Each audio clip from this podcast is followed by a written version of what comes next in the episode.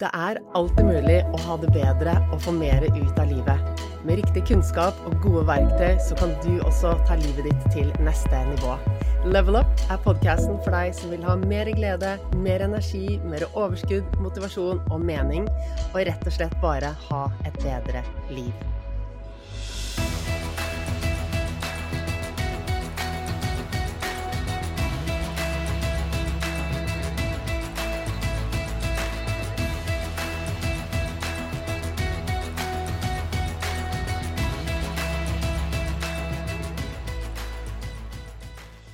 Hvordan kan det ha seg at selv om man gjør alt riktig med sunn mat og trening og hvile og meditasjon, så kan man mangle energi? Hva er det som egentlig skjer i kroppen da? Hva er det vi kan gjøre for å snu dette, for å skape energi helt ned på cellenivå? Dette er noe av det Rebekka Nøkling og jeg snakker om i ukens episode, og her er nyttig informasjon for absolutt alle. Så håper du koser deg med episoden. Velkommen tilbake til eh, Level Up, Rebekka. Det er så koselig å ha deg med igjen. Og det er så gøy å være med, og forrige gang fikk vi så bra respons, så jeg gleder meg til å fortelle det vi skal snakke om i dag. Ah, det var Jeg eh, fikk mange henvendelser etter forrige episode. Eh, de temaene vi snakker om, de går jo helt klart hjem hos folk. Ehm, jeg regner med at de fleste har hørt på forrige episode, eh, og at de kanskje har en idé om hvem du er, men likevel, har du lyst til å gi en sånn liten intro? Ja, jeg kan jo si det at i bunnen, sånn utdannelsesmessig, så er jeg medisinsk hjerneforsker. Har også mye kjemi og biokjemi. Eh, men jeg jobber i dag som eh, coach for mitt Jeg, si, jeg har noen firma sammen med mannen min som heter Livslivsmotivasjon. Vi har også noe som heter Empower Akademiet, som ligger si, rett under Studieforbundet og Kunnskapsdepartementet, hvor vi rett og slett lærer folk stressmestring, men også hvordan du kan få mer empowerment og energi. Og det er litt av det vi skal snakke om i dag. Eh, og så er jeg eh, også utdannet innen si, medisinsk yoga, hormonyoga, masse sånne ting. Så jeg er kanskje en typisk moderne forsker som elsker å kombinere Østens visdom med skikkelig healthy medisin og genteknologi. Uh, og jeg er blant annet med i et lederprogram på Harvard, uh, hvor vi ser på det som heter lifestyle medisin. Fordi i dagens samfunn så har vi jo masse informasjon, så man kan nesten bli stresset av all den informasjonen, også faginformasjon. Og vi forskerne vi har begynt å snakke om at dette kaller vi lip science, altså vi prater, bla, bla, bla. Men så må vi begynne å finne praktiske måter hvordan folk faktisk kan bruke alle de fine resultatene vi har. Og da er det litt viktig at vi har kvalitetssikring på informasjonen. Fordi eh, det er lett å på en måte lese en bok om temaet, men hvis du ikke har den faglige bakgrunnen, så er det lett å misforstå. Jeg pleier å si hvis du leser Norges lover, eh, og du leser loven første gang, så kan, jo, kan man tolke det som hva som helst, men man må ofte forstå på avgrunnen at loven ble lagd, forskrifter, hvilke konsekvenser at Høyesterett har på en måte hatt en domsavgjørelse. Så det jeg digger med å være her sammen med deg, det er selvfølgelig at du er samarbeidspartneren min, og at som du sa, når vi har jobbet også har jobbet med vårt eget program som heter NB-programmet, som jeg gleder meg å dele med alle som har lyst til å lære mer, så er det jo nettopp det å nå ut til folk og gi de konkrete tips, og ikke minst at noen ganger også faglige bevis hvorfor det kan være lurt å gjøre de tingene vi prøver å få de til å gjøre. Mm. Ah, det er så gøy å samarbeide med deg, for vi har jo Altså våre kunnskapsfelt og kundegrupper er jo veldig overlappende, og eh, med vår kompetanse sammen og våre metoder å jobbe sammen, så får vi et så utrolig helhetlig tilnærming som blir så effektivt. Og jeg elsker jo all fagkunnskapen din. Jeg er sånn Ja, jeg gjør jo ting hvis jeg ser at det funker. Jeg er ikke sånn som alltid må ha en lang vitenskapelig avhandling og masse forskning på det. Hvis jeg vet at noe funker, hvis jeg kjenner på meg selv at det funker, så er det nok. Men jeg syns det er så spennende å få forskning på bord som viser at faktisk denne øvelsen gjør dette, eh, og sånn og sånn gir de resultatene. Og der er jo du helt rå på det feltet, Rebekka. Og så tenker jeg at det er liksom viktig, altså Jeg føler meg ofte som en sånn brobygger mellom på en måte forskningen og folk i samfunnet. Og jeg tenker bare det at du og jeg har det så gøy når vi jobber sammen, Altså, da gjør vi masse bra for vår egen helse, for vi har en god relasjon.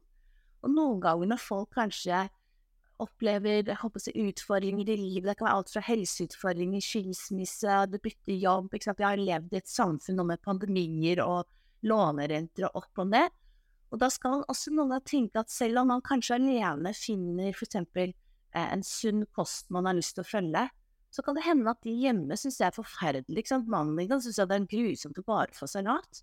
Og det jeg i hvert fall opplevd, jeg har jo på en måte tusenvis av klienter på Livslyst motivasjonssenteret vårt, som, som jeg er coach for, og da har jeg noen gang funnet ut at hvis du forteller forskning på en morsom måte, så at det liksom kan være liksom det du prater om under en vennemiddag og sånne ting, så kan du til og med få folk til å være med på ting som ikke ville gjort det hvis du hadde sagt sånn å, nå skal du sette deg på en yogamatte, eller nå skal du være på et foredrag. Men litt sånn, vet du hvorfor jeg spiser dette sånn, eller vet hvorfor jeg gjør den øvelsen? Eh, så tenker jeg at det bør, være sånn allmennkunnskap. Og det må ikke alltid pakkes inn så kjedelig. Det kan være morsomt å få forskning som hjelper. Åh, jeg er så enig. Altså, jeg har jo studert i åtte år selv på Blindern, og jeg kan lett pakke inn alt det jeg prøver å formidle i eh, vitenskapelig og tungt språk, men det er jo ikke hensiktsmessig. Ikke det blir jo ikke motiverende. det går jo ikke inn. Og akkurat det du sier med at ok, ja, vi har kanskje lyst til å skape en endring selv, men hvordan får vi med oss de rundt oss? Og eh, enkle, enkel informasjon som er lett å forstå, som er motiverende, hvor man skjønner at oi, det her er faktisk viktig. Det er jo så bra.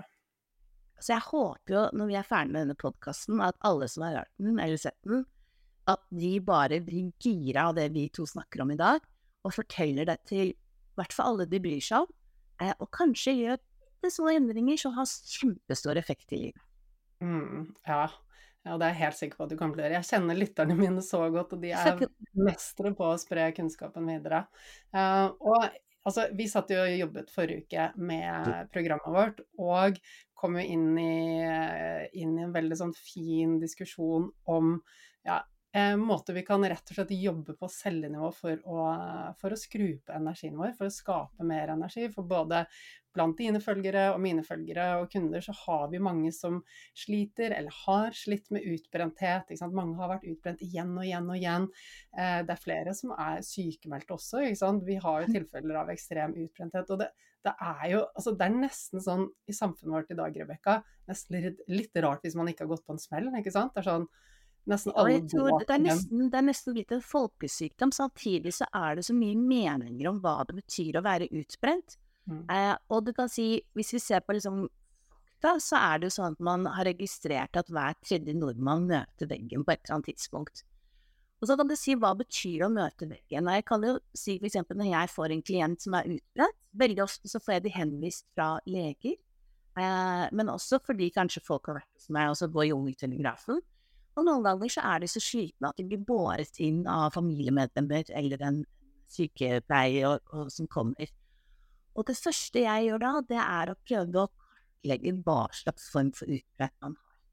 Fordi eh, mange tenker ofte at liksom, utbrenthet bare er at du ikke takler livet. Ikke? At du er litt svak, eller at det blir for mye og sånne ting.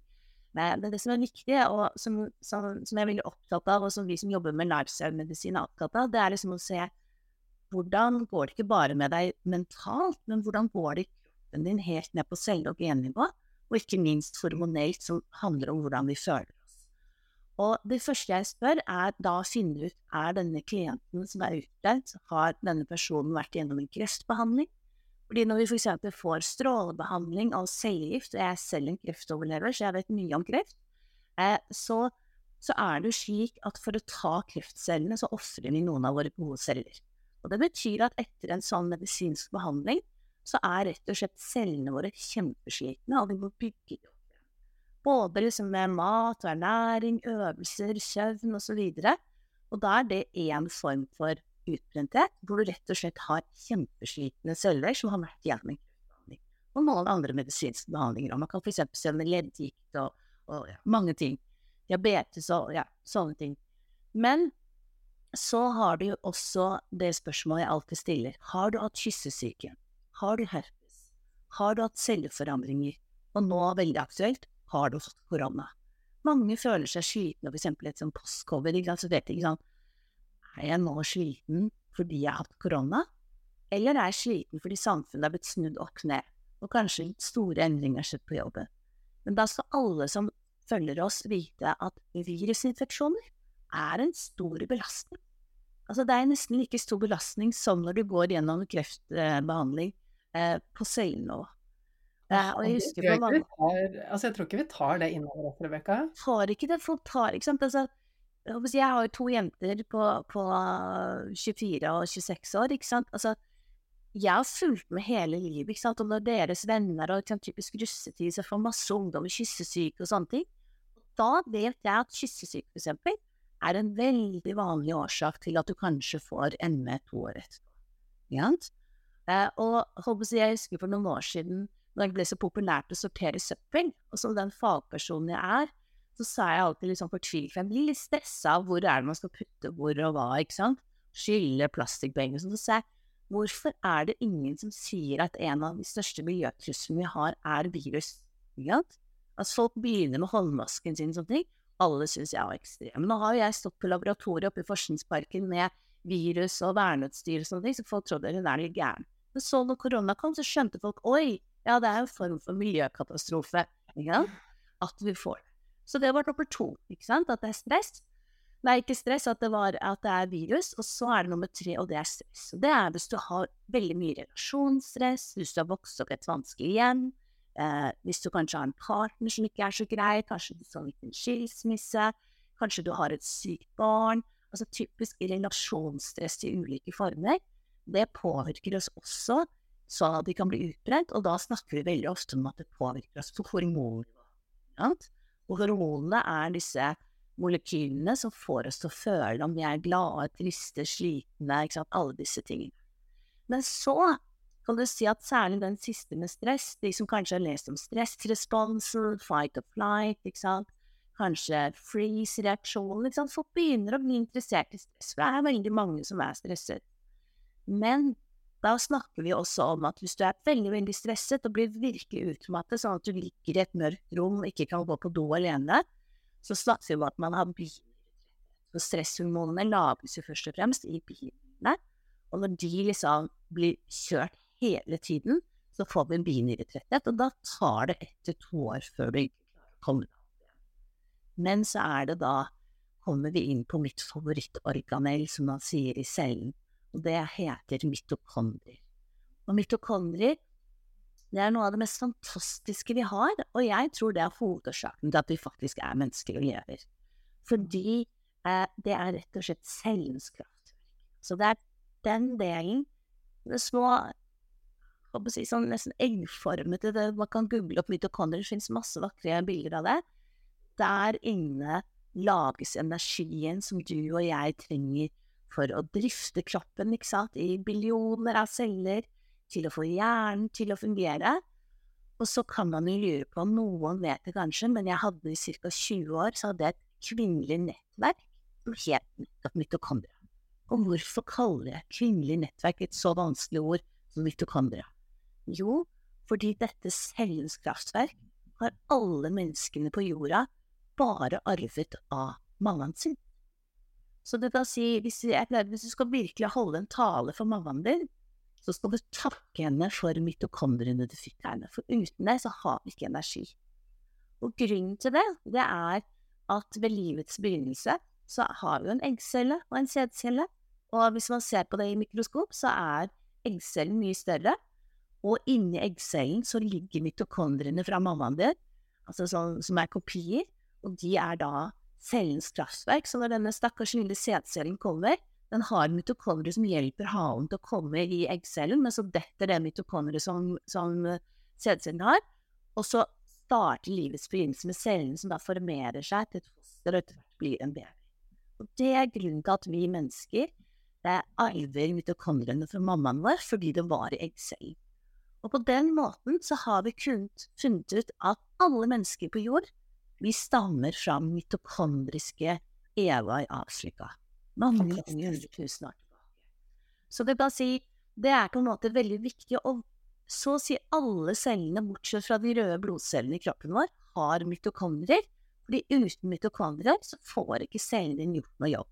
Får ikke, eh, du får ikke noe cellefornyelse, du får ikke noe celleprodukter. Altså, du, vi ville dødd hvis ikke vi hadde hatt mitokondriene. Og så kan man si, hvorfor snakker jeg så mye om det nå? Jo, det ene var at det var liksom mitt favorittorganell. Da kan jeg jo si, før jeg kommer inn på det faglige, for jeg syns det er så gøy å snakke om det, det var at på 80-tallet så hadde jeg en periode der jeg leste mye bøker fra Isabella Gjende, altså som er sånn søramerikansk litteratur. Mye magisk realisme og sånne ting. Og de som også. ja. Og de som har vært, liksom, fått med seg liksom, den, den, litteraturen derfra, vet at man hadde militærjuntaen som kidnappet folk, ikke sant, og, og til og med folk ble Og dette er basert på virkelige hendelser i Sør-Amerika, hvor, hvor, folk da ble tatt i fengsler, og kvinner som eksempel fødte barn, ble fratatt babyen sin, og så ble kanskje pappaen drept. Så etter at man på en måte da faktisk så et reelt, og dette fortalte en professor meg, så jeg bare våknet opp liksom han snakket om Sør-Amerika, for da var jeg midt i åndens liksom. Eh, og da sa han ja, og det som er fantastisk med mitokondriene, det er at det er den eneste måten du kan identifisere en mor og en baby som har kommet bort fra hverandre, og ikke har en far, for å si at de genetisk hører sammen. Mm. Så det er på en måte et praktisk eh, virkemiddel man har brukt i teknologiverdenen vår, at hvis du skal gjenforene mor og barn, og du ikke har en far så du kan matche liksom, hvem er som du har fått halvparten av gener fra mor og halvparten fra far, og det er rett og slett fordi mitokondriene har sitt eget DNA. Mm. Det samme som kan få vanligvis når vi har halvparten av gener fra far, halvparten av gener fra mor, det er derfor vi ligner litt på mor og far, så er det liksom Det er vårt hva skal si, DNA som vi har for å leve med, som er pakket inn i 23 kromosomer mitokondrie-DNA er helt eget. Det er litt kult. Så det er liksom en sånn Når man snakker om det indre univers, ikke sant, når Dalai Lama og, og si, når jeg møtte han, og han sa liksom syns du det er rart å snakke om det indre univers, så er jeg i min celle, så er det et kjempeunivers. Så sånn sett så er mitokondriene unike ved at det er eget DNA. Det er cellenes kraftverk, og vi har alltid fått av mamma. Så da skjønner du hvorfor jeg kalte kvinnenettverket for mitokondria. Og når jeg snakker om kvinnekraft, så snakker jeg om cellene helt jeg håper å si på mitokondria. Men tilbake til det vi snakket om i sted, utbretthet. Det mange ikke vet, er at hvis du har triste, slitne mitokondrier, så kan du få en utbredthet som ikke henger sammen med de tre andre testene jeg sa. Sant? Har du hatt kreftbehandling? Har du hatt virusinfeksjon? Har du hatt mye stress? Og da kommer vi inn på det som også lifestyle-medisin på en måte skjønner er viktig. Altså mange som ønsker livsendringer også vet, er at man må se litt på kosten og ernæring. Og det man har funnet ut i dagens samfunn, så er jo særlig den vestlige verden, så er jo en av de største folkesykdommene vi har, det er at vi får for mye glukose i blodet. Fritt glukose. Og på fagspråket så kaller vi det da enten insulinresistens eller at du får diabetes. Og i lille Norge er det faktisk 1000 nye nordmenn i måneden som registreres med diabetes 2. Det betyr 12 000 i året. Ja? Og jeg selv er en brystkreftoverlever, så jeg elsker når butikkene blir rosa i oktober og vi på en måte hyller brystkreftaksjonen. Men da snakker vi om kvinner som er mellom 3000 til 4000 som får brystkreft. Så diabetes er over faktisk 12 000, og det er de som er registrert, Anniken. Det er mange folk som ikke vet at de har insulinresistent og diabetes. Så det er faktisk så kom noen tall for et par år siden som viste at 50-60 av de akutte hjerteinfarktene i Norge skyldes at folk ikke visste at de hadde diabetes 2. Så dette er store, store tall. Og du kan si det som man også ser, er at for eksempel slanke, veltrente folk kan plutselig få insulinresistent, som er på en måte første skritt, og så diabetes 2. Og da lurer man på hva er det som skjer?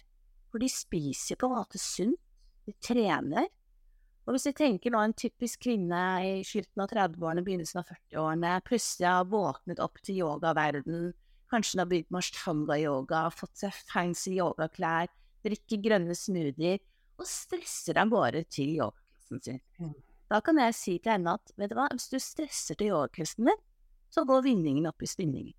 Mm. Fordi stress påfører kroppen også endringer, hvis vi ser på det molekylære, og som henger sammen med, med ernæringen også. Det Altså- som da skjer Ja. Ja, jeg må bare bryte, for det, det er liksom sånn det, det treffer meg så godt, da, for Mm. en god del år tilbake. Jeg husker jeg husker jeg skulle på morgenyoga, og så var jeg sånn Men jeg har egentlig ikke energi til det, jeg må drikke en kaffe på vei til yoga. Og da jeg lå i shavasana, så var jeg jo ikke i ro. Jeg hadde jo masse tankekjør, ikke sant. Så kroppen var jo aldri i ro i det hele tatt. Så jeg skjønte jo ikke det da, men i ettertid så skjønte jeg at det, jeg var jo bare stresset, og den yogaen, den var jo bare et stresselement, den også. Ja. Og så er det jo da, når man eksempel eh, er en, en, en person, både mann og kvinne, men, men hvis vi tar et eksempel med en kvinne nå, hvis du har en kvinne som kanskje får til jobb, kanskje gift og har noen barn, har egentlig, liksom, hvis man ser henne fra utsiden, et perfekt liv. Og hun går til og med og trener yoga. Sant? Enten om det er ashtanga-yoga, eller om det er alle de andre vakre variantene som finnes. Og som jeg sa, jeg ser yoga er. Det er mye bra man kan gjøre, men hvis man stresser frem og tilbake? Hvis mannen hennes blir stressa at hun skal på nok en yoga-retreat, ikke sant? Og han må sitte igjen alene med ungene, og han må nok en gang drikke grønne smoothier, hvis han gjør det, så får han i hvert fall spinatsalat, ikke sant? Så blir det relasjonsstress. Og det som er viktig da, da må de se hva er det som gjør at både overvektige folk som spiser masse det vi kaller raske karbohydrater, altså usunn mat, ikke sant, det vi vet liksom ikke er bra, og som kanskje kjennetegner vår tid, at vi har mange som på en måte har farlig overvekt, ikke sant?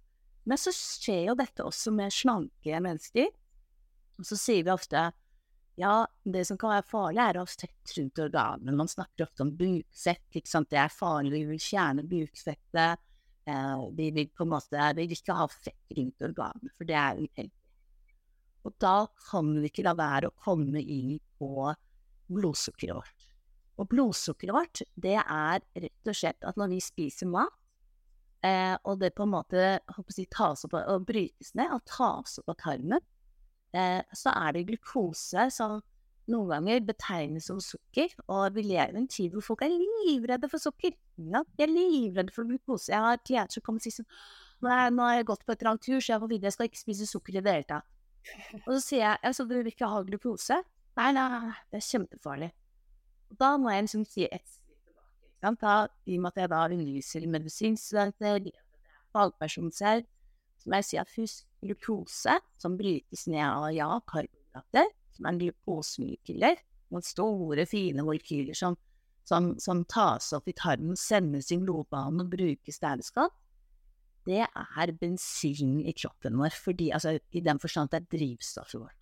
Det er glukosen som omdannes til energi som gjør at cellene våre overlever, og som gjør at hjernen overlever. Så sammen med oksygen, som vi vet er viktig for pusten, så er det glukoseoksygen som evolusjonen har hentet frem skal gi oss drivstoff og energi til å ha hjernekapasitet og til å ha celler som, som formerer seg, alt si cellefornyelse, og som fungerer. Så vi kan ikke hate det som gir oss energi. Hvis vi da ser på det, så kan vi si at ok, hvor er det glukose omdannes til energi, da? Og de som er i fysikkens verden, vet at energi skapes ikke, det bare omdannes i en annen form. Så når vi da spiser mat, enten om det er raske karbohydrater, eller om det er sakte karbohydrater, f.eks. i salat og sånne ting, så får vi fritt blodsukker, altså frie glukosemolekyler som fyker ut i blodet. Og da vet vi at ok, da, da, sikrer vi oss at hjernen får den energien den skal.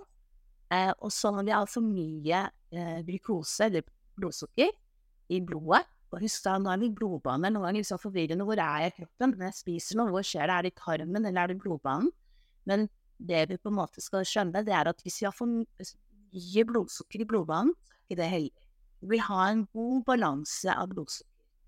Og derfor så har kroppen et fantastisk system at hvis vi får for mye blodsukker etter at vi har spist mat, og det er masse fritt eh, glukose i blodet, så pumper bukspyttkjertelen ut noe som heter insulin, glitohormon, hormon som gjør at vi henter blodsukkeret ut av blodbanen, altså blodårene, og lagrer det i leveren og musklene.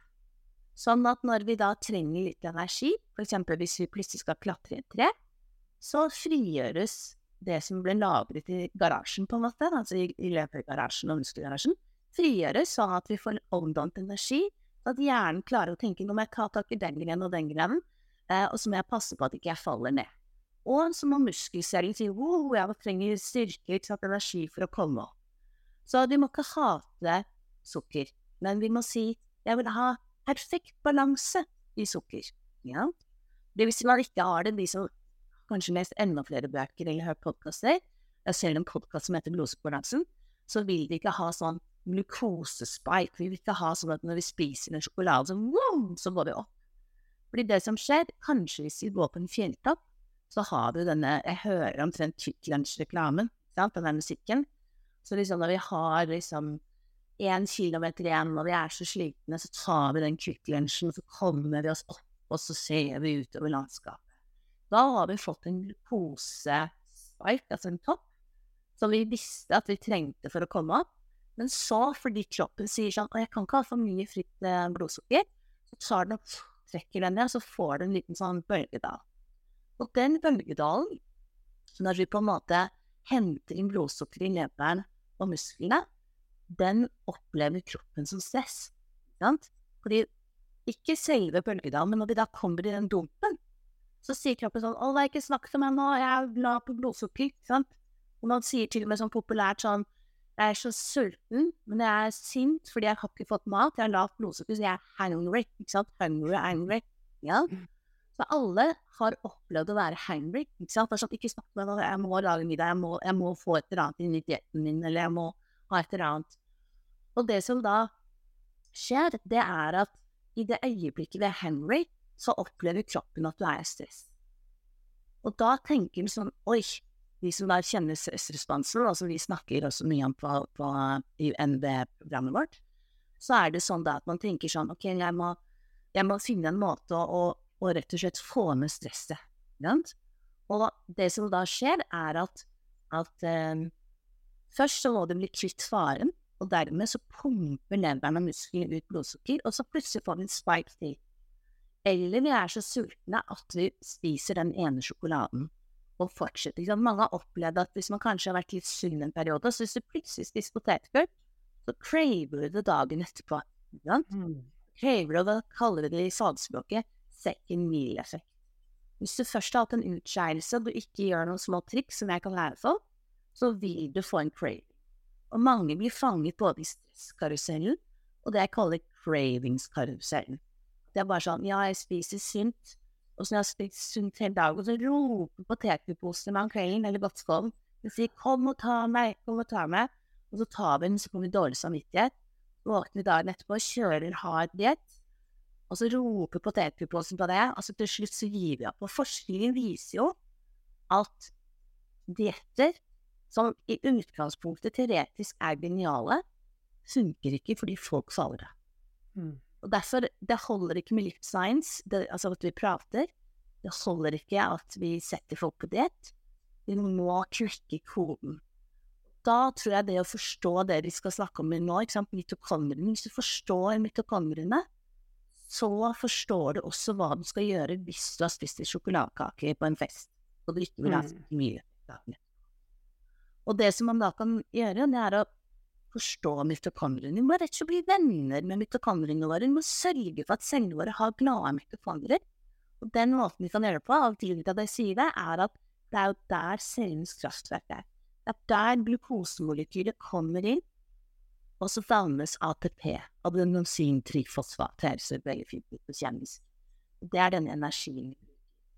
Det som skjer, er at hvis vi enten spiser prosessert for mye prosessert mat, altså raske karbohydrater, ikke sant, vi får mye McDonald's og sånne ting, så får vi en spike, ikke sant, da får vi mye glukose, fritt glukose, eller hvis vi stresser mye, fordi da tror kroppen at vi skal løpe fra en farlig bjørn, så pumper vi. Du kan faktisk få mye blodsukker uten å spise litt brød, pasta, alle de tingene. Da er vi tilbake til hun ashtanga-damen som stresset i treningen, ikke sant. Det gjør hun ikke sjøl, selv om hun spiser seg, en grønn smoothie, gjør det sånn, men fordi hun stresser, så får hun høyt blodsukker og lykkebønn i blodet. Mm. Og Det som det som, det som vi også snakker om eh, å jobbe med i programmet vårt, som for øvrig kommer til neste år, eh, det er jo også dette med at ok, stress det er jo gjerne Ok, du snakket om relasjonsstress og de tingene, og vi vet at stress er jo sånn vi, vi vet jo ofte at vi er stresset når vi har mye å gjøre, eller hvis vi er i en dårlig relasjon, men det vi sjelden vet, er at stress også oppstår som et resultat av de tankene vi har i hodet. Hvis det er mye bekymring, mye tankekjør, mye fastlåsthet, irritasjon. Altså i de baner så setter det i gang stressresponsen, og det legger vi ikke merke til. Og jeg gikk i årevis og tenkte at ok, ja, på et tidspunkt så visste jeg at jeg var stresset fordi jeg hadde mye å gjøre.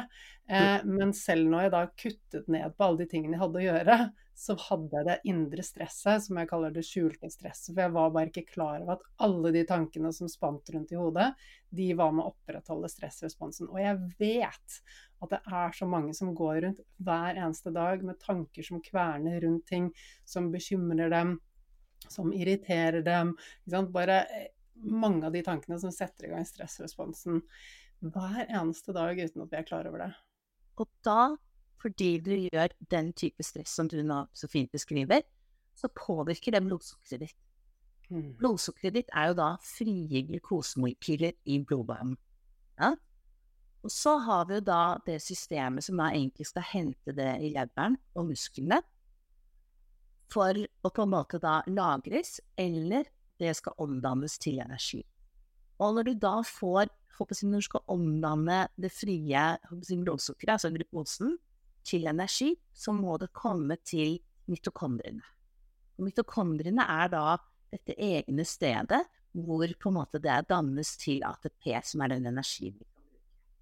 Og så kan du si, sånn sett så er mitokondriene, hvis vi tenker at liksom alle, alle cellene våre hadde vært på party med alle organene, så hadde mitokondriene sagt sånn Jeg har en veldig populær oppgave i denne kroppen, fordi jeg er den som omdanner glukose til energi, så jeg er veldig populær, jeg er veldig nødvendig.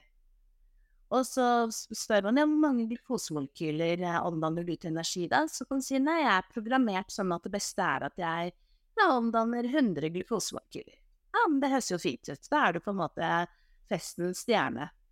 Men så når vi da får disse blodsukkertoppene, ikke sant, enten av kosten, eller som du sier, alt det stresset som også påvirker at vi får fritt eh, blodsukker, altså glukose, det som da skjer, er at denne poppis mitokondrie sier sånn Herregud, det kommer én million glukosemolekyler. Dette, dette fikser jeg ikke. Jeg streiker. Jeg stenger, jeg stenger cellens kraftverk. Jeg kan ikke omdanne glukose til det, fordi jeg, jeg skulle bare gjøre 100, og en million er for mye. Det står ikke i arbeidskontrakten min. Jeg streiker. Og det som skjer da, det er at cellene dine ikke lager nok energi. Det som skjer når du ikke har nok energi, da føler du i kroppen at du blir blir slik. I tillegg så er det sånn at når mitokondrien din ikke lager energi, så tenker hjernen oi, dette er liksom krise her, det her er en sliten kropp. Og selv om du da spiser sunt, hvis du er en ashtanga-dame som spiser sunt, så legger du på deg mer fett. For da tror kroppen at det er ikke at du lagrer fett. Til dårlige, jeg håper, når det er dårlige tider, så står det liksom ha vært så fett på kroppen. Og akkurat når mitokondriene er slitne og sier sånn Nei, jeg er en sterker. Jeg har aldri sagt ja til 100 millioner eh, eller 1 million glukosemolekyler. Det som da skjer, er at det fettet som lages da, det er ikke liksom bare fett på rumpa og, og sånne ting. Jeg er en formfull kvinne og elsker å være det, men du får det farlige fettet rundt organene. Mm. Det gjør at slanke, veltrente personer også kan få fett rundt organene, og stadig flere faller om i hjerteinfarkt. Mm. Og det er det da vi ser når jeg sa de tallene med diabetes, ikke sant, 1000 personer i måneden, 50-60% som får hjerteinfarkt. Også de som ikke er de du forbinder med diabetesfolk i gamle dager, hvor man sa at du måtte være overvektig og du måtte være over 50 år og, og sånne ting.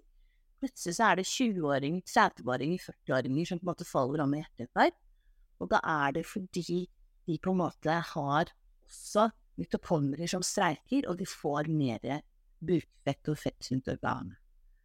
Og det som da skjer, er at når mitokondriene dine er slitne og krysse, så får de en utbrenthet som de fleste leger ikke skjønner. Og da Mm. sier man sånn ja, nå er det at ikke de takler livet. Ja. Og det som da er viktig å skjønne, det er at ok, hvis du er en kreftpasient, så er det på en måte ting du skal gjøre der for å på en måte få energien. Hvis du har hatt en virusinfeksjon, så er det ting du kan gjøre der. Hvis du har stress, så kan du gjøre det. Men alle de tre kategoriene har også kosta at du har glade mitokondrier.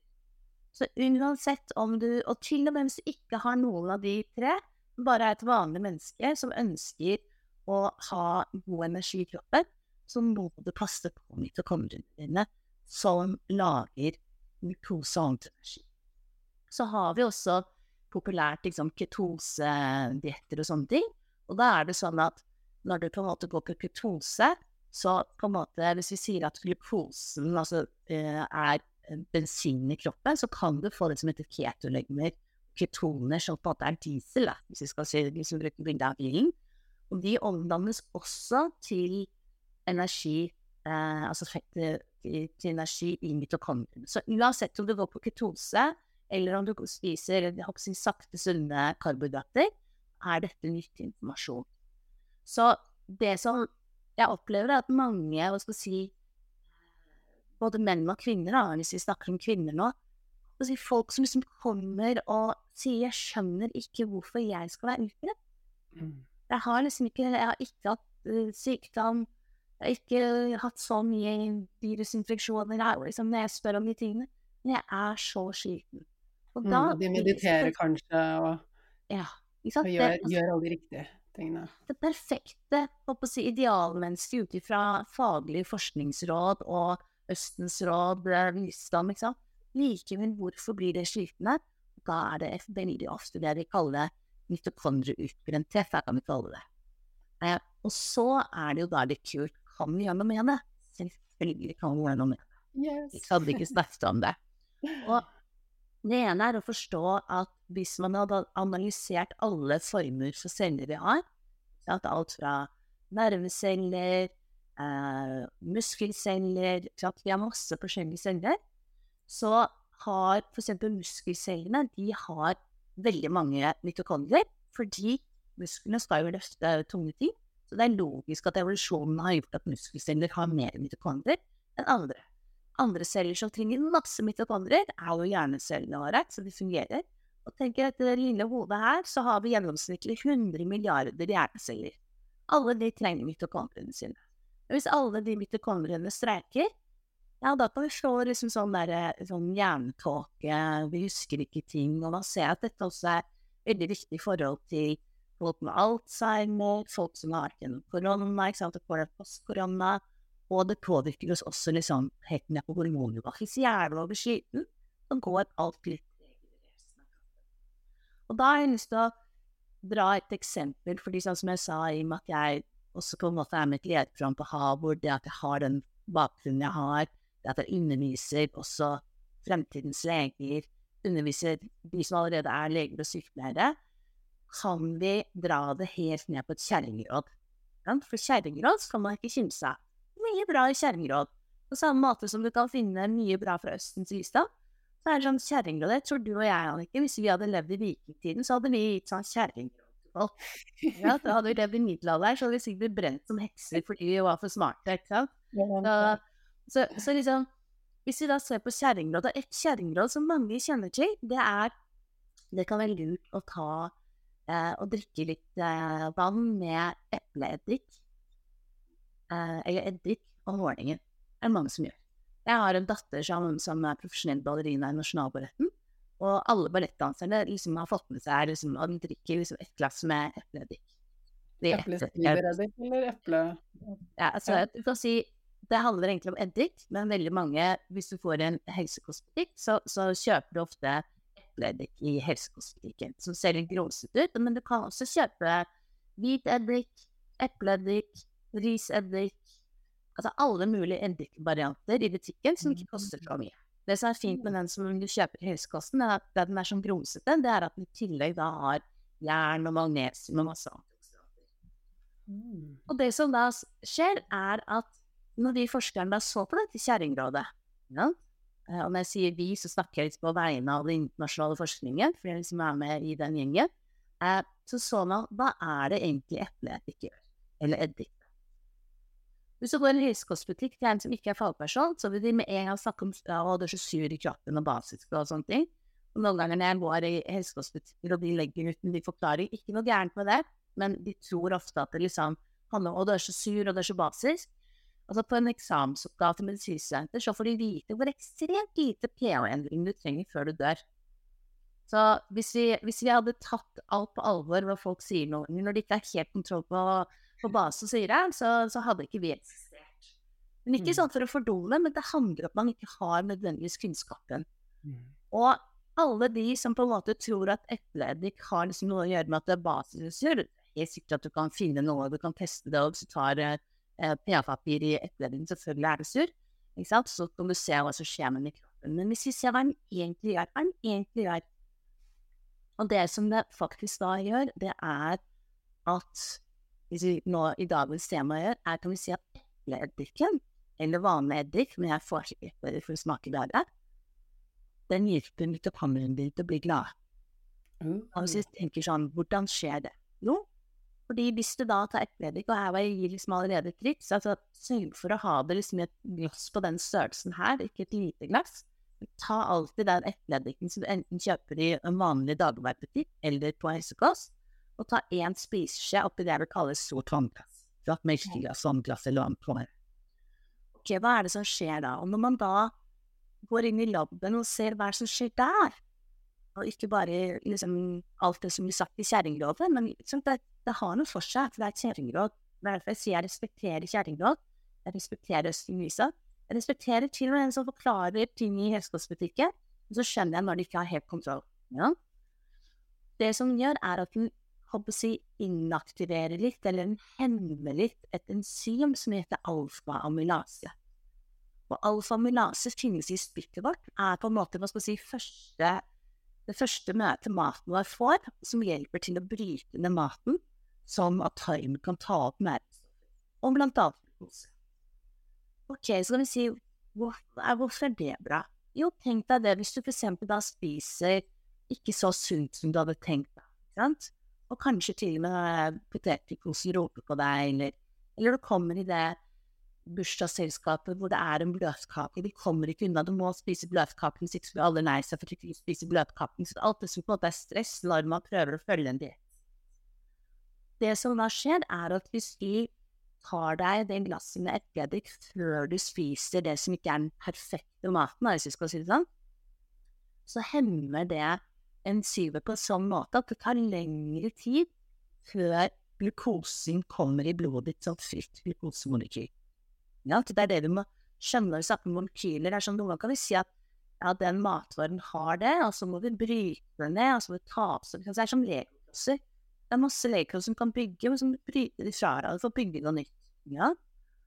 Og det som da skjer, når det da går sakte, så vil du ikke få den der toppen sant, som er farlig. For den toppen er jo den som får meg til å til å streike.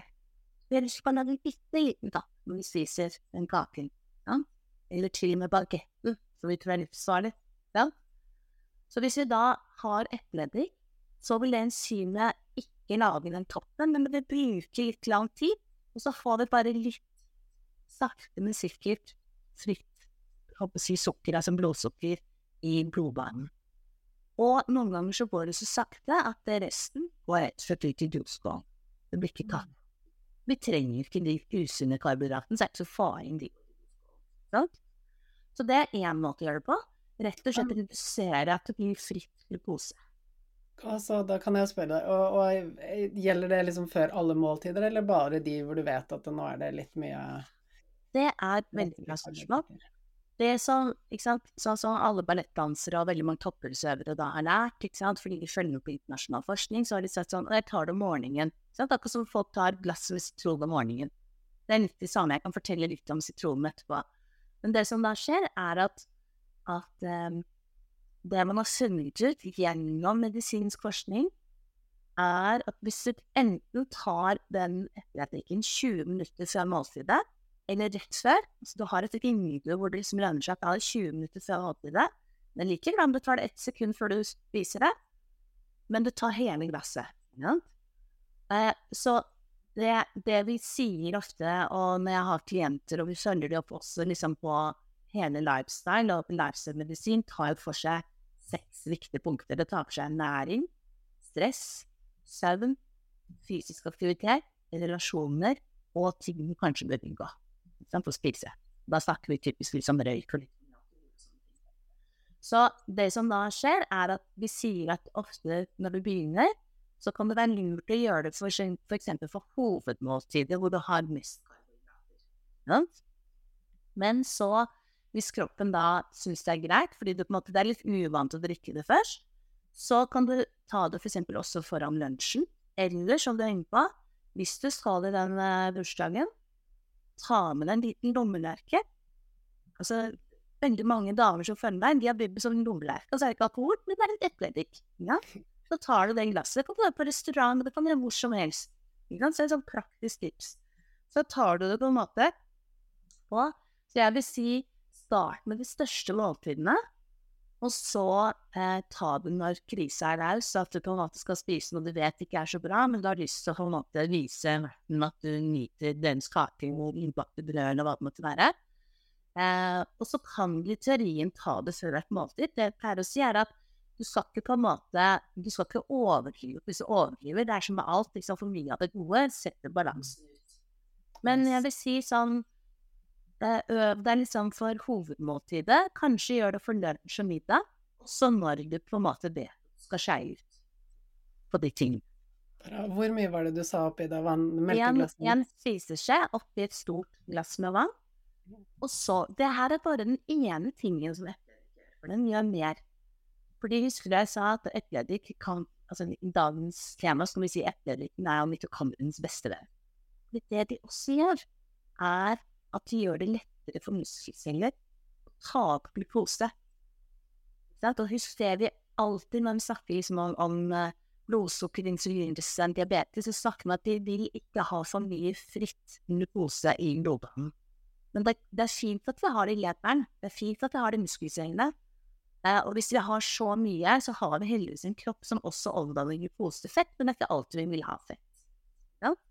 Så, så, så, det som er, er at ok, så det, du kan, du kan se for deg en muskelcelle med masse mitokondrier, hvor alle mitokondriene er jeg holdt på å si det er fælt å si nesten som en kvinnelig arbeidsplass har, hvor det skjer på mye endringer.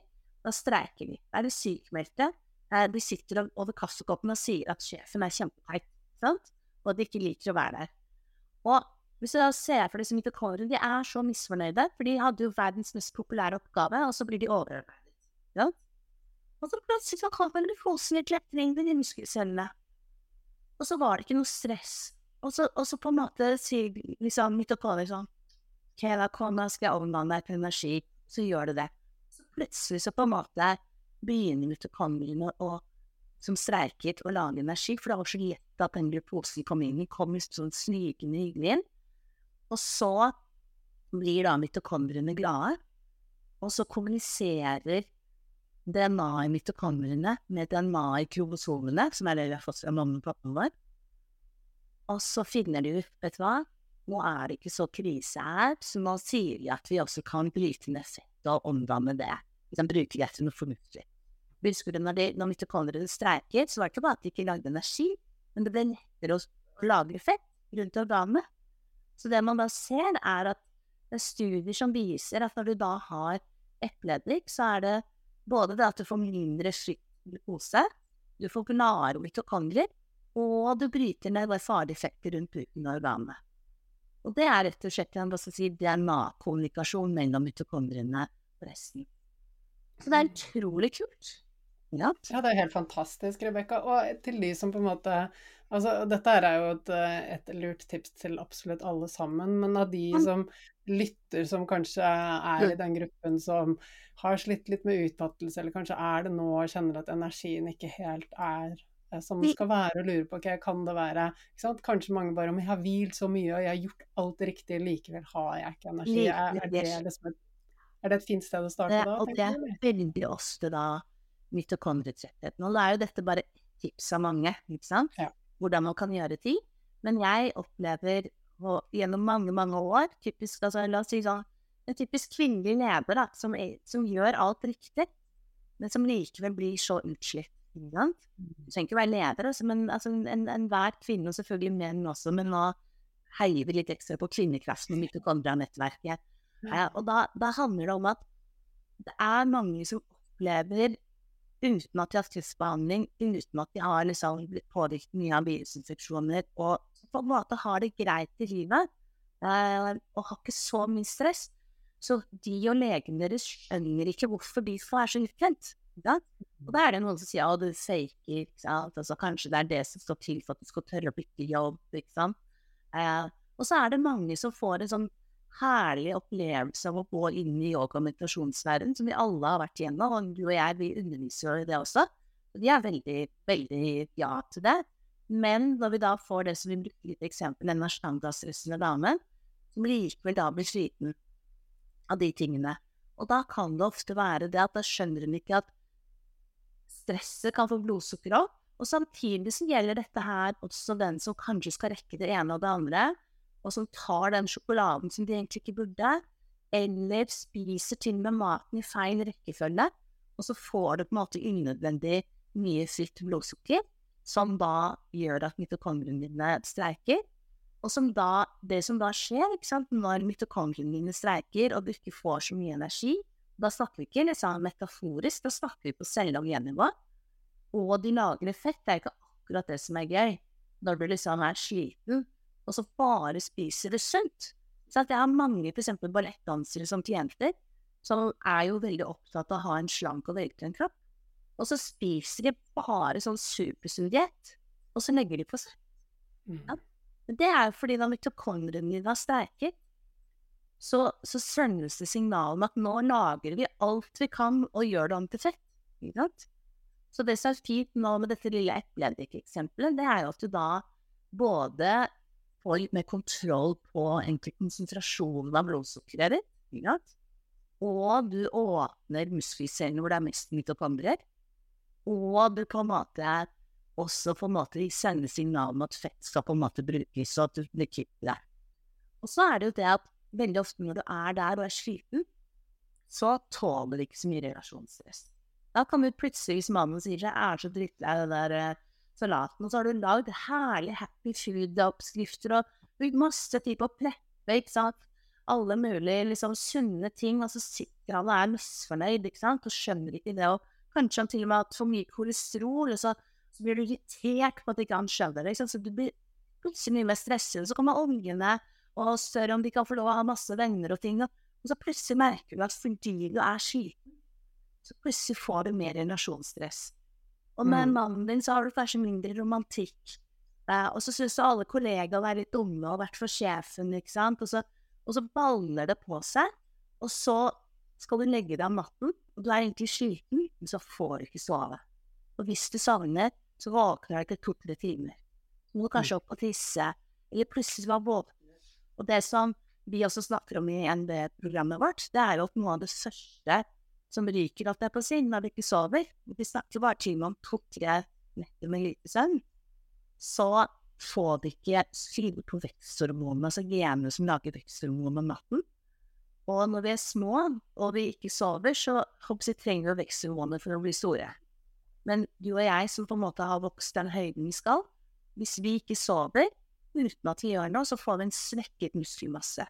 Og siden temaet i dag er mitokondrier, så kan du si at svekket muskelmasse betyr at vi mister masse mitokondrier. Så i tillegg, når du da først har lite energi, så opplever liksom, vi takler stress dårlig selv om vi kanskje var en som taklet stress mer før. Og når det da går utover søvnen vår, så får vi svekket muskelmasse. Det betyr at vi får enda mindre mitokondrier. Mm. Derfor er det sånn som i nervesøvnmedisin at man kombinerer stressmestring, det å få søvnen tilbake, med ernæring og fysisk aktivitet. Men da skal du ikke, når du har svekket muskelmasse, når folk er kjempeslitne og på en måte da eh, har svekket muskelmasse, det er ikke da du skal på en måte ta ashtanga-utdannelsen. Det er ikke sikker på at du mener. Da, da Men det er det folk gjør. Ja. Da sier jeg kvitter meg med mann, jeg kvitter meg med jobb'. Realisere meg selv. Ja. Og så smeller det. Ja. Yes. Så du kan si det jeg representerer en fagperson, det er at jeg kan gjerne gi folk kunnskap om ketose-dietter, eh, om, om, om de vil spise mye fett eller proteiner eller karbohydrater, om de vil spise ditt og datt, og i forhold til allergier og sånne ting. Det er ikke så farlig. Det, det er mye som funker, men det er veldig mange som faller av dietter.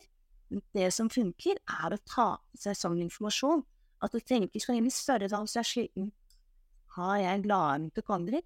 Nei, jeg skjønner liksom Kanskje det har vært litt mye fast food, litt usunt. Eller kanskje det har vært litt mye stress på jobben. Eller litt mye stress med at mannen min og jeg egentlig ikke har det så romantisk vi burde. Ja, vi bare stråler på fest, og hjemme så sover vi ved siden av hverandre som søsken. Sant? Eh, og han snorker, og da går jeg til annet soverom. Alt dette her påvirker mitokondriene dine, fordi jeg tror folk må skjønne at vi må passe litt mer på blodsukkeret vårt. Mm. Fordi sånn som i dag, når vi snakker om at blodsukkeret påvirker mitokondriene så mye, så bør vi begynne å skjønne at blodsukker handler ikke bare om folk som har diabetes. Det er en grunn til at min datter på 24 år elsker å ha glade mitokondrier, for da kan hun ta flere piruetter når hun har en solorolle på, på hovedscenen i en opera. Mm. Hun kan ikke gå på en diett som på en måte gjør henne tynn, men energiløs. Så hun vet at hun må ha energi. På samme måte jeg som en kreftoverlever i bordet, eh, som, som har senskader som gjør at jeg våkner med smerter, og som gjør da at jeg har fysisk stress.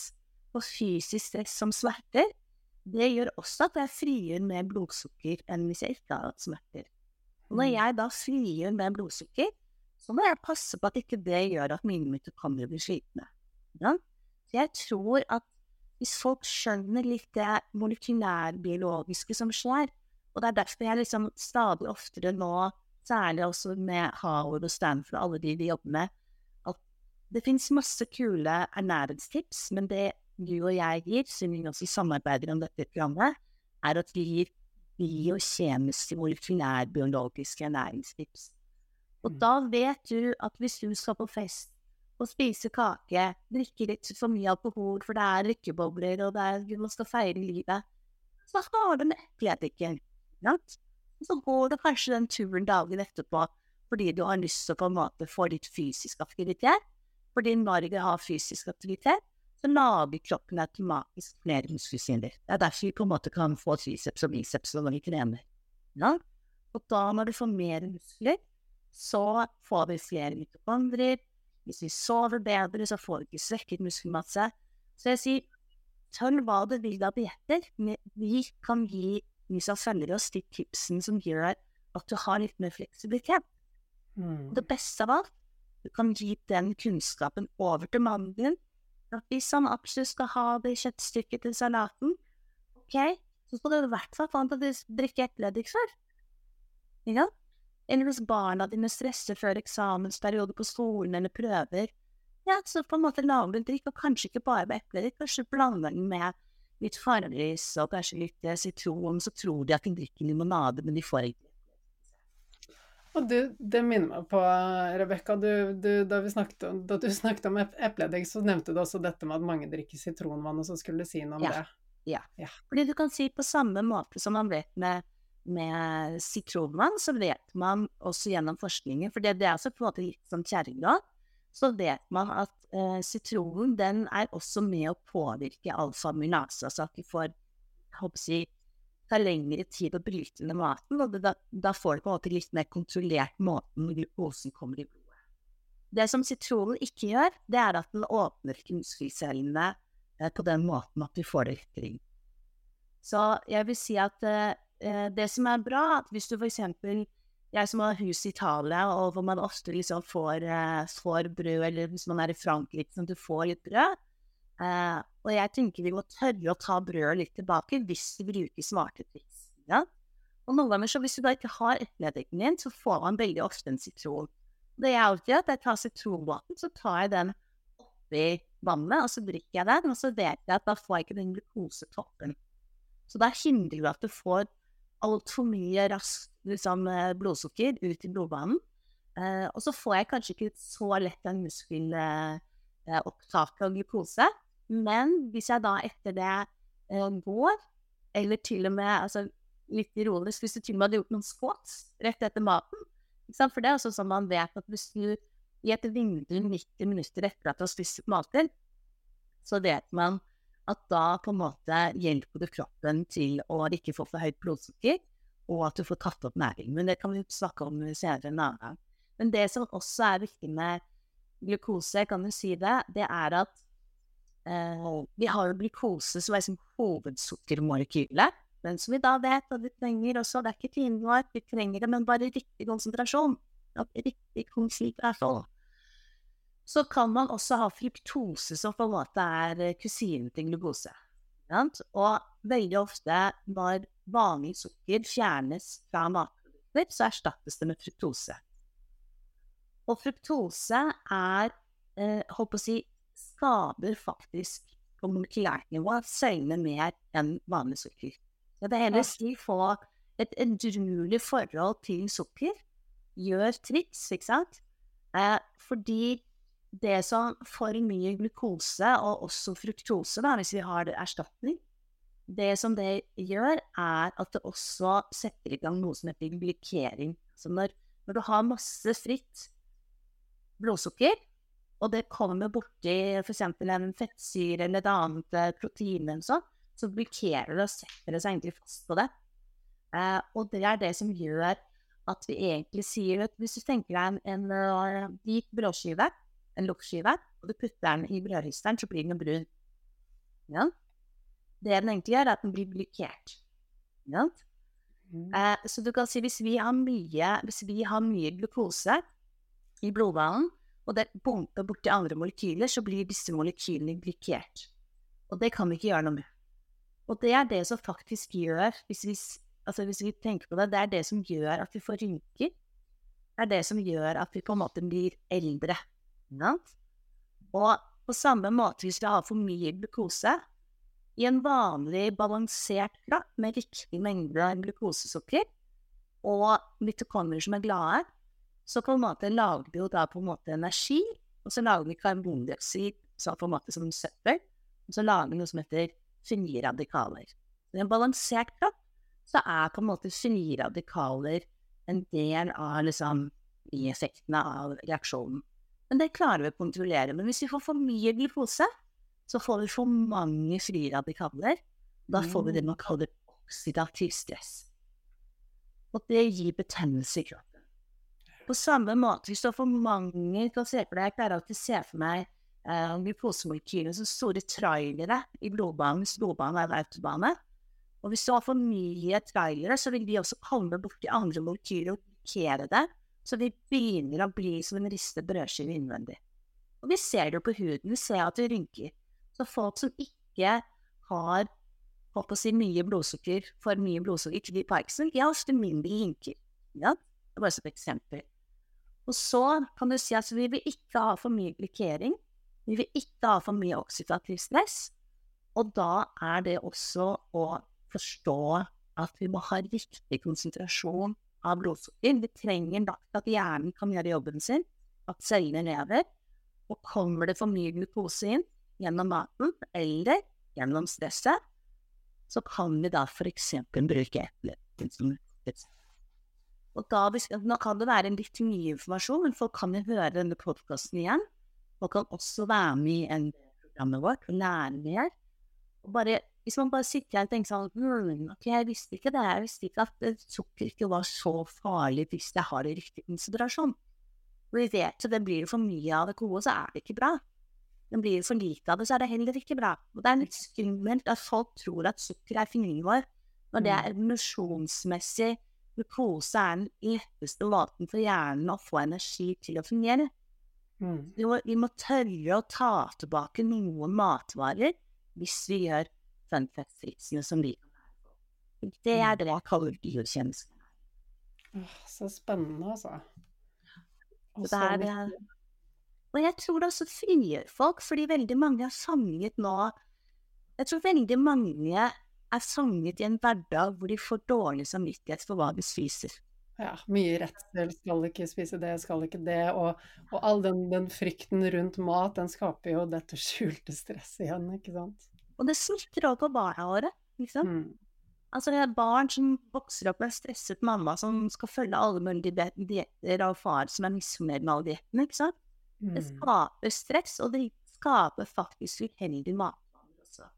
Det er Mm. bedre å si at eh, i en vanlig hverdag så spiser vi sunt. Liksom? Mye plantebasert og, og får på å si fisk. Og, og, og de som vil spise kjøtt, spiser i hvert fall rent kjøtt. Og de som på en måte liker mer og mer fisk altså Det som er morsomt, er at når vi begynner å spise mye sunt, så mye grønnsaker og fisk og skalldyr, så etter hvert så har du ikke så lyst på kjøtt. Og hvis du, hvis du spiser kjøtt, så har du i hvert fall lyst på det gode kjøttet. Ikke sant? Mm. Så, så, så du kan si Der kan man liksom justere, og så kan man heller liksom Altså, jeg, opplever, altså, jeg har jo mannen min Vare, som er en typisk sånn mannemann. Eh, og, og han, hvis han hadde vært alene hjemme, så hadde han spist mye som litt pølser og kjøtt og sånne ting. Uh, men når jeg så forklarer han uh, over en romantisk middag at jeg vet jo at uh, hvis vi først liksom spiser, så tar vi en skål med eplebit og, og sånne ting, så, så, så går det inn hos ham. Mm. Og som jeg sier, altså begge døtrene mine, men særlig Lise som er profesjonell ballerina, altså hun fikk en aha-opplevelse. Jeg sa ikke bare drikk det om morgenen, men drikk det 20 minutter før det måltidet hvor du vet at du skal balansere blodsukkeret. Mm. Så, så du kan si det er det som på en måte Jeg tror hvis du, hvis du sakte, men sikkert lærer deg litt sånn kule biokjemiske molekylærbiologiske ting, og heller bruker litt tid til å skjønne det, så kan du stå i enhver matsituasjon og vite hva du kan gjøre som er rett for kroppen din. Og veldig mange stresser jo med det. ikke sant? Noen ganger så kjører de på sånn harde dietter, og da spiser de ikke noe annet. Og det er fint hvis du kanskje har, gått gjennom ting hvor den dietten er nyttig for deg, men det skaper stress hvis du er i en situasjon med familie hvor du ikke skjønner at ikke du kan spise det nybakte brødet til mammaen din og sånne ting. Og hva har du med den der lille, lille lommelerken? Utrolig nyttig tips, Rebekka. Og det her gleder jeg meg sånn til å dykke, mm, dykke ned mer i i MB-programmet vårt, som kommer til neste år. Uh, og så nevnte du også at du har en podkast som heter Blodsukkerbalansen, ikke sant? Ja, Blodsukkerbalansen, og så er det sånn som heter Jonny og Rebekka, hvor vi snakker mye om sånn stressmestring, men da kommer vi mer og mer også gjennom vårt program, og det er også masse kurs i livsstilsmotivasjon, og vi har rett og slett morsomme matkurs hvor du lærer stressmestring og fun tips om dette her, og, og øvelser som hjelper å få hormoner. Herlig. Så da anbefaler jeg å sjekke ut Blodsukkerbalansen-podkasten og Rebekka og Jonjon-podkasten. Det er bare å søke opp, eh, så finner dere det. Eh, og eh, vi kan også linke til, til hjemmesidene dine i episodebeskrivelsen, sånn at det er lett å finne frem der. Og så er du jo også på, so so på sosiale medier, på Facebook og Instagram og LinkedIn, og da er det bare å søke opp Rebekka Nøkling, ikke sant. Da finner du meg overalt. Og, og det, som er, det som er viktig, er at selv om du ikke husker alt vi har snakket om i dag, så kan du høre episoden flere ganger. Ja, Og så hvis du bare sitter igjen med at forskning kan også hjelpe deg til å, å overleve matsituasjoner, eh, men også hjelpe deg til å slippe å ha den utbrettheten som altfor mange har fordi mitokondriene er triste. La oss sammen løfte mitokondriene til å bli glade og lage den energien av maten vi spiser, uansett hvilken diett du går for, eller om du ikke går på diett, så kan vi sammen skape mer positiv energi, bokstavelig talt helt ned på seg og hjørnet. Ja, og dette er eh, Jeg vet jo at så mange trenger det. Og Rebekka, du tar jo også imot eh, kunder. Nå vet jeg at du er ganske busy, men eh, Bare å si ja, så, så tar jeg alltid imot klienter både på dagtid og kveldstid. Så det er jo noen ganger så Hvis ikke man hopper si, på plass som klienter, så har jeg masse kurs hvor man også kan være med og ha det gøy. Ja, du har en haug med helt fantastisk nyttige kurs. Eh, og når du jobber med klientene dine, så skreddersyr du også, ikke sant. Sånn som du sa, du sjekker med eh, historien deres, hva har skjedd i livet, virusinfeksjoner etc. Og så lager du et opplegg som hjelper akkurat dem til å få mer energi. Så kan du når du er klient hos meg, ikke sant jeg, jeg bruker mye av den kunnskapen som kommer fra Howard og Stanford og sånne ting, men du kan komme til meg og bare få tipsene som virker. Så kan du komme til meg hvis du vil og få tipsene med en faglig forklaring. Det bestemmer du selv hva som du har lyst til å ha. Det er ikke alle som vil ha vitenskapelige forklaringer, men jeg har opplevd at for mange så kan det være en, motivasjon, eller som jeg sa innledningsvis, en måte å få de hjemme der til å skjønne hvorfor dette er gøy. Fantastisk. Du, Rebekka, tusen, tusen takk for i dag. Det er eh, så gøy å ha deg med, så vi får passe på å få deg med igjen snart. I like måte. Takk for at relasjonen min til deg gjør meg frisk ned på celle- og gennivå. Hvor spennende var ikke det? Jeg tror veldig mange kan kjenne seg igjen i det at de gjør alt riktig. De hviler, de mediterer, de spiser sunt. Likevel så mangler det energi. Det er klart det er sammensatt, og det er flere grunner til det. Kanskje det er dette indre stresset som man går med, disse bekymringene og disse tankene, um, som kan skape det indre stresset. Eh, hvis det er tilfellet, anbefaler jeg deg å bli med på kurset mitt når det starter snart eh, igjen. Men eh, for liksom har vi gjort den indre opprydningen og, og liksom kjenner at okay, jeg har lite energi for det, så er eh, kanskje dette med mitrokon, mitokondrier Jeg klarer ikke å uttale det engang. Kanskje noe å se på. Eh, for min del så skal jeg ta til meg tipset med epleeddik før maten. Eh, og å bevege meg litt etter maten. Det er noe jeg skal legge inn nå. Nå er det jo tre uker siden jeg hadde en nakkeoperasjon, og energien svinger veldig. Jeg gjør jo alt riktig, med sunn mat og masse hvile og avspenninger og ja, men likevel. Det er ikke rart at energien min svinger og er lav nå, fordi kroppen bruker mye energi på å reparere seg, selvfølgelig, etter inngrepet. Eh, men jeg vet at jeg helt klart nå å på å begynne å jobbe litt for å blidgjøre mitokondriene. det var vanskelig ord det i dag. Så ja, jeg syns i hvert fall det er veldig spennende å få eh, litt forklaring på hva man bør gjøre, hvorfor, hva sammenhengene er, eh, som går litt utover det vanlige vi finner når vi søker rundt på sosiale medier. Så jeg håper det gikk hjem hos deg. Og du, vet du hva? Jeg blir så glad for at du deler kunnskapen videre, akkurat sånn som Rebekka sa. Det er viktig at vi får kunnskapen ut. Og en av måtene du kan hjelpe oss med å få kunnskapen ut på, er ved å laste ned podkast-episodene og abonnere på podkasten. Det som skjer da, er at du hjelper podkasten til å komme høyere opp på listen, og det gjør at flere ser den, lytter til den, og kunnskapen når flere. Så er det én en enkel måte du kan eh, bidra litt på med å få kunnskapen ut, så er det nettopp å gjøre det. Last ned episoden, eh, abonnere på podkasten. Så betyr det så mye, ikke bare for meg, men for alle de menneskene som får denne kunnskapen, som er så livsviktig. Så du, da gleder jeg meg til å se deg igjen neste uke.